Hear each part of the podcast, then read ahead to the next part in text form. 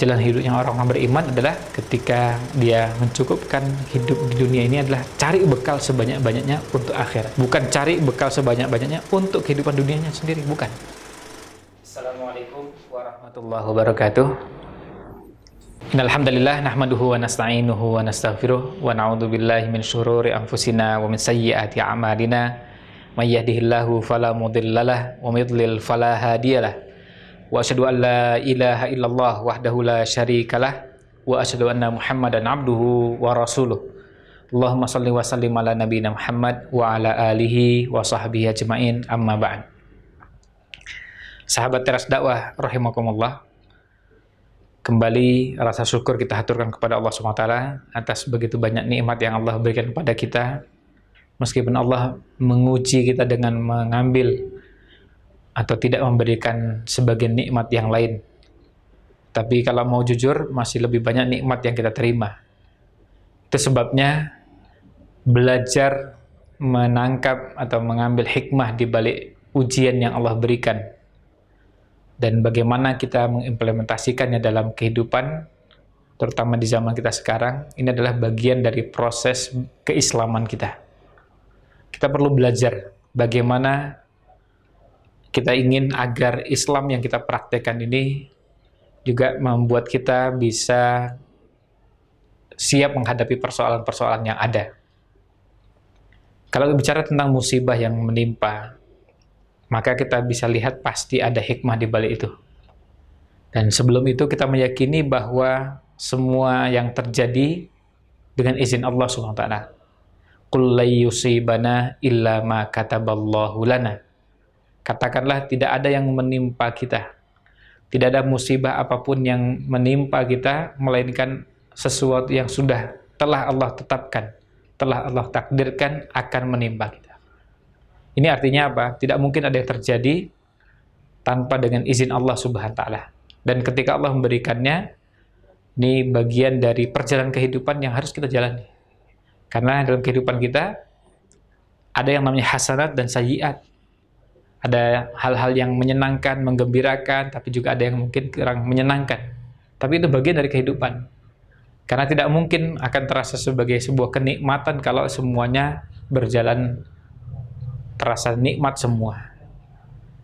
Justru kenikmatan itu akan terasa sangat berharga, sangat bernilai pada saat kita merasakan bahwa itu terjadi setelah ada ujian-ujian, cobaan-cobaan kita akan merasakan betapa luar biasanya sakit yang menimpa sebagian orang dan di waktu yang sama kita betapa bersyukurnya kita tidak Allah berikan ujian seperti itu. Nah, ini pernah diungkapkan oleh Imam Shuraih Al-Qadi rahimahullah taala. Beliau pernah menuturkan bahwa musibah yang menimpa saya ini tetap saya syukuri karena apa yang saya terima, musibah yang saya rasakan ini tidak lebih berat dari musibah yang lain yang lebih berat dari sekarang ini ada musibah. Tapi kalau mau dilihat, ada nggak yang lebih berat? Ada yang lebih berat. Kita tidak mengatakan ini musibah ini ringan. Tetapi kalau mau dibandingkan, ada musibah yang berat dan ada yang lebih berat. Yang sekarang ini dijalani, yang harus kita lalui, ini musibah yang tidak ringan. Tetapi ada yang lebih berat dan ada yang jauh lebih berat lagi. Kita lihat misalnya bicara tentang wabah. Wabah yang terjadi pada umat manusia. Silahkan kita baca dari sejak zamannya misalnya Umar bin Khattab radhiyallahu an. Ta'un amwas atau amawas. Ada beberapa cara membacanya. Uh, Ta'un ini terjadi sekitar tahun 17 atau 18 Hijriah mewafatkan atau yang menelan korban tidak sedikit 25 ribu orang dan jangan melihat angka 25 ribunya, tapi 25 ribu pada zaman itu. Dengan jumlah penduduk yang belum seperti sekarang ini. Sekarang kalau kita membandingkan 25 ribu dari 6 miliar, tentu angkanya 25 ribu ini hanya cuma 0, kalau 25 ribu dibanding dengan 6 miliar. Artinya belum mencapai 1 persen. Tapi kalau 25 ribu pada masa itu, ketika jumlah penduduk belum mencapai satu miliar, belum mencapai sekian ratus ribu, maka eh maaf sekian ratus juta, maka Ini angka yang sangat besar. Demikian pula pada tahun berikutnya yang terjadi di Irak, terjadi di beberapa wilayah. Maka kalau kita lihat apa yang kita terima ini, kita mencoba mencari hikmahnya, ini adalah bagian dari pembelajaran pada diri kita. Imam Al-Hafidh Ibnu Hajar pada saat membahas tentang hikmah di balik musibah yang menimpa, banyak hal yang bisa kita ambil, banyak hal yang bisa kita petik. Misalnya beliau menyebutkan hikmahnya di antaranya lah yang pertama taksirul amal. Ayo kita pendekkan angan-angan kita ini. Hanya banyak berangan-angan, ambisi-ambisi yang sifatnya dunia. Ingin ini, ingin itu yang bukan berorientasi pada akhirat. Nah, ini yang perlu kita pendekkan. Jadi kita hentikan cukup. Sekarang mari kita ubah orientasi hidup kita. Kita punya visi, punya cita-cita, ya, tapi yang bersifat ukhrawi. Kalau kita ingin berada pada posisi yang tinggi di surga, itulah memang cita-cita kita. Tapi bukan angan-angan yang sifatnya dunia. Orang punya ini kita kepingin, orang punya itu kita juga kepingin. Bukan itu juga bukan jalan hidupnya orang-orang beriman. Jalan hidupnya orang-orang beriman adalah ketika dia mencukupkan hidup di dunia ini adalah cari bekal sebanyak-banyaknya untuk akhirat. Bukan cari bekal sebanyak-banyaknya untuk kehidupan dunianya sendiri, bukan. Maka ketika kita sudah punya bekal itu, kita jadikan bahan untuk mengejar akhirat kita ini. Oleh karena itu, kita ngejar akhirat ini dengan penuh kesungguhan dengan semua kemampuan yang kita bisa bisa lakukan, itulah cara kita mengejar akhirat. Kita mengupayakan dengan segala daya dan upaya yang kita miliki untuk bisa mengejar, mengejar akhirat Dan semangat inilah yang dimiliki oleh para sahabat radhiyallahu anhum yang sering kita istilahkan dengan fastabiqul khairat. Nah, selain taksirul amal, memendekkan angan-angan. Karena bisa jadi panjang angan-angan membuat kita malas beribadah atau menunda-nunda ibadah. Kita merasa bahwa nanti bisa dikerjakan, besok bisa dikerjakan. Tapi kalau kita lihat bahwa orientasi duniawi kita ini terbatas, tapi orientasi akhir kita yang kuat, maka semua kekuatan, semua potensi kita arahkan pada tujuan kita ini. Yang kedua, pada saat musibah seperti ini, termasuk pada saat ketika kita harus terpaksa berada di rumah lebih banyak daripada di luar, membatasi aktivitas, membatasi kegiatan, membatasi sekian banyak hal yang kita batasi. Yang kedua adalah tahsinul amal, memperbaiki amal. Mungkin kalau selama ini sebelum wabah ini e, sampai ke negeri kita, memaksa kita tinggal di rumah, banyak ibadah kita yang terabaikan. Maaf kalau mau jujur, silahkan lihat sholat-sholat kita bisa jadi pada sebagian kita, bahkan mungkin maaf sebagian besar, sholat kita belum kita kerjakan dengan baik. Baik itu waktunya, ataupun cara pelaksanaan dan yang lainnya. Tapi dengan banyak di rumah, peluang untuk terlambat sholat dari lima waktu yang kita kenal selama ini jadi lebih kecil. Karena kita di rumah. Kemudian kita tidak disibukkan dengan pergi ke sana kemari.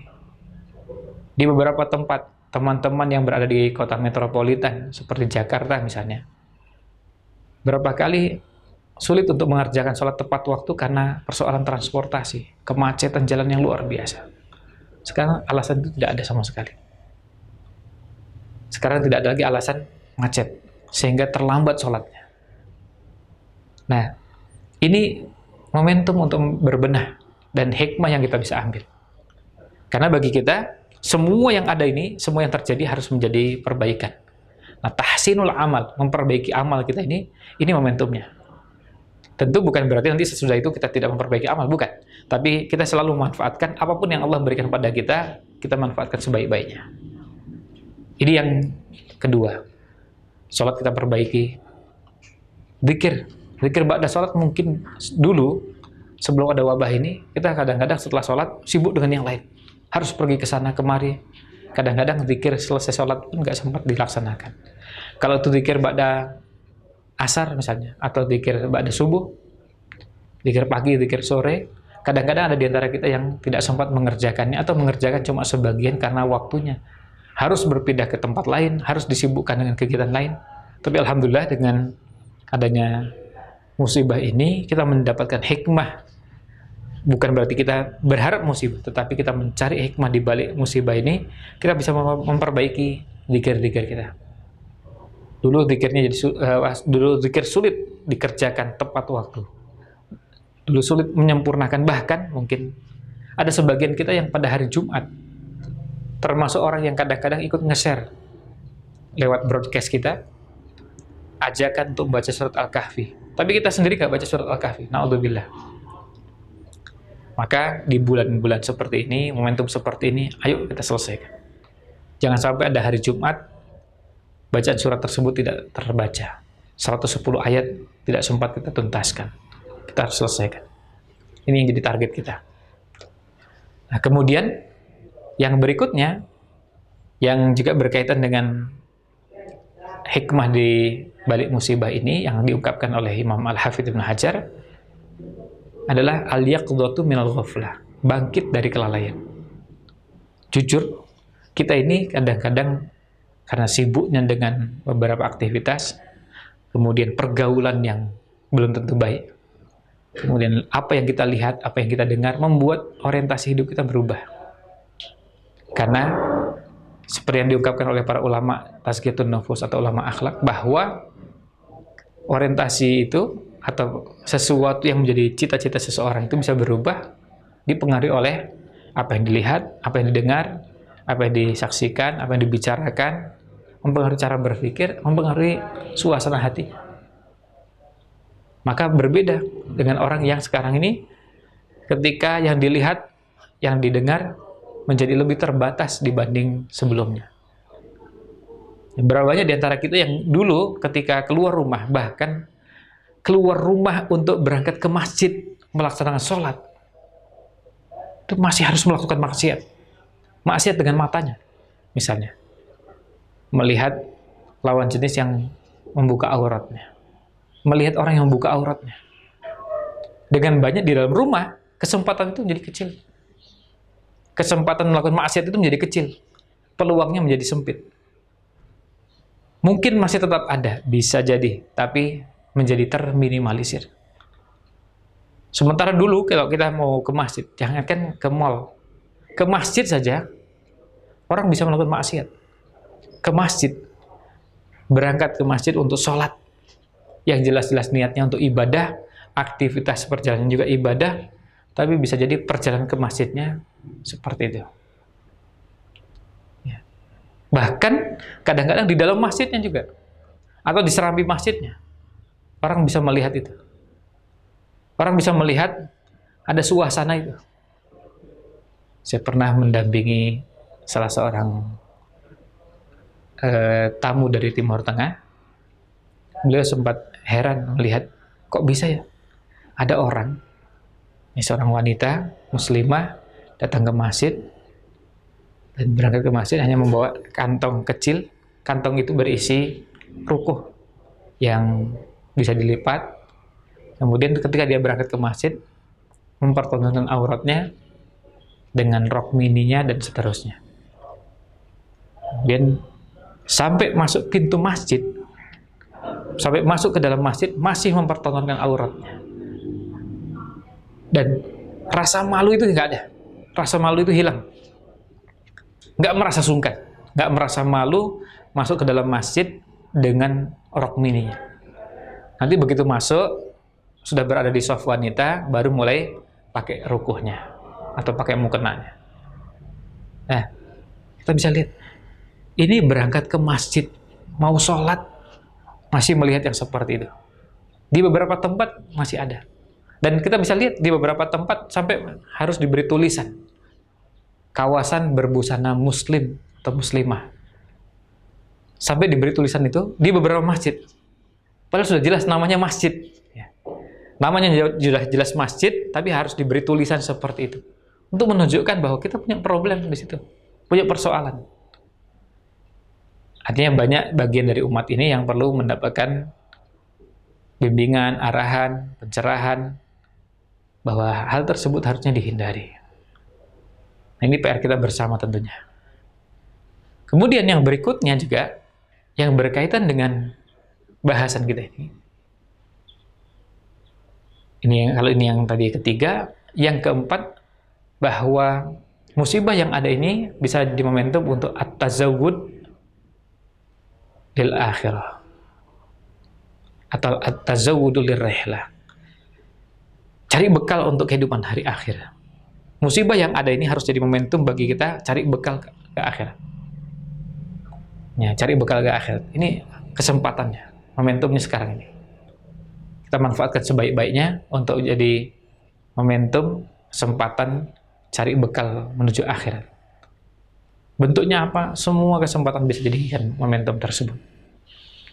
Misalnya, kalau kita sekarang sedang puasa, puasa kita jadi kesempatan untuk muhasabah Sholat yang kita kerjakan juga harus jadi kesempatan bagi kita untuk berbenah. Sholat malam yang kita kerjakan juga harus jadi kesempatan bagi kita untuk melakukan perbaikan-perbaikan. Dan ini semua jadi bekal kita.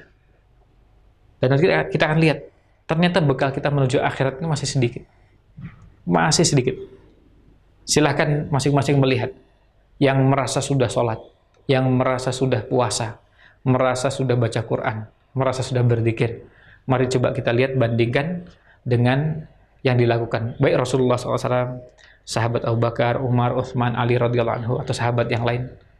Kemudian tabi'in, ulama-ulama Islam, bagaimana mereka cari bekal untuk kehidupan hari akhir. Jadi sampai-sampai waktu yang ada itu betul-betul tidak disia-siakan begitu saja. Harus jadi momentum untuk benar-benar berbenah. Inilah yang perlu kita belajar dari mereka-mereka ini. Dan dari sini kita jadi berkesempatan belajar bagaimana mereka mencari bekal untuk kehidupan hari akhir. Nah, pada saat kita berada di rumah, banyak berada di rumah, momentum bagi kita untuk berbenah. Sekaligus juga kesempatan bagi kita untuk berbenah bersama keluarga. Bisa jadi selama ini rumah kita ini sebetulnya banyak yang perlu dibenahi banyak yang ada dalam rumah kita ini tidak mendukung kita untuk mencari bekal menuju hari akhir. Mungkin dari gambar yang terpampang, mungkin ada dari eh, pajangan-pajangan, uh, termasuk tayangan-tayangan yang ada di televisi, kalau yang kebetulan punya televisi, kemudian suara yang diperdengarkan di radio, atau aktivitas kita di rumah termasuk benda-benda yang kita miliki. Bisa jadi itu semua yang menyebabkan kita berpaling. Itu yang menyebabkan kita menjauh dari Allah SWT. Kita semua harus berbenah dan ini menjadi kesempatan bagi kita untuk mencari bekal untuk kehidupan hari akhir. Bagi kita mencari bekal untuk kehidupan hari akhir kapan saja. Tetapi kalau dapatkan momentum yang pas, momentum yang tepat, kita manfaatkan sebaik-baiknya. Sekarang ini, ayo sekarang ini kita perbaiki kesempatan untuk berbenah sekarang ini, ayo kita benahi sekarang ini. Mudah-mudahan ini jadi momentum bagi kita untuk bisa memperbaiki diri, bisa untuk berbenah, dan kita berharap mudah-mudahan kelak berhadapan dengan Allah SWT, bertemu dengan Allah SWT dalam keadaan kita sudah siap dengan bekal-bekal ini. Nah, demikian pesan yang bisa kami sampaikan. Mudah-mudahan ada manfaat yang bisa diambil. Mohon maaf jika ada yang kurang berkenan. Wallahu a'lam Wassalamualaikum ala Nabi Muhammad wa ala alihi wa sahbihi ajmain. Subhanakallahumma bihamdik. Asyhadu an la ilaha illa anta astaghfiruka wa atubu ilaik. Wassalamualaikum warahmatullahi wabarakatuh.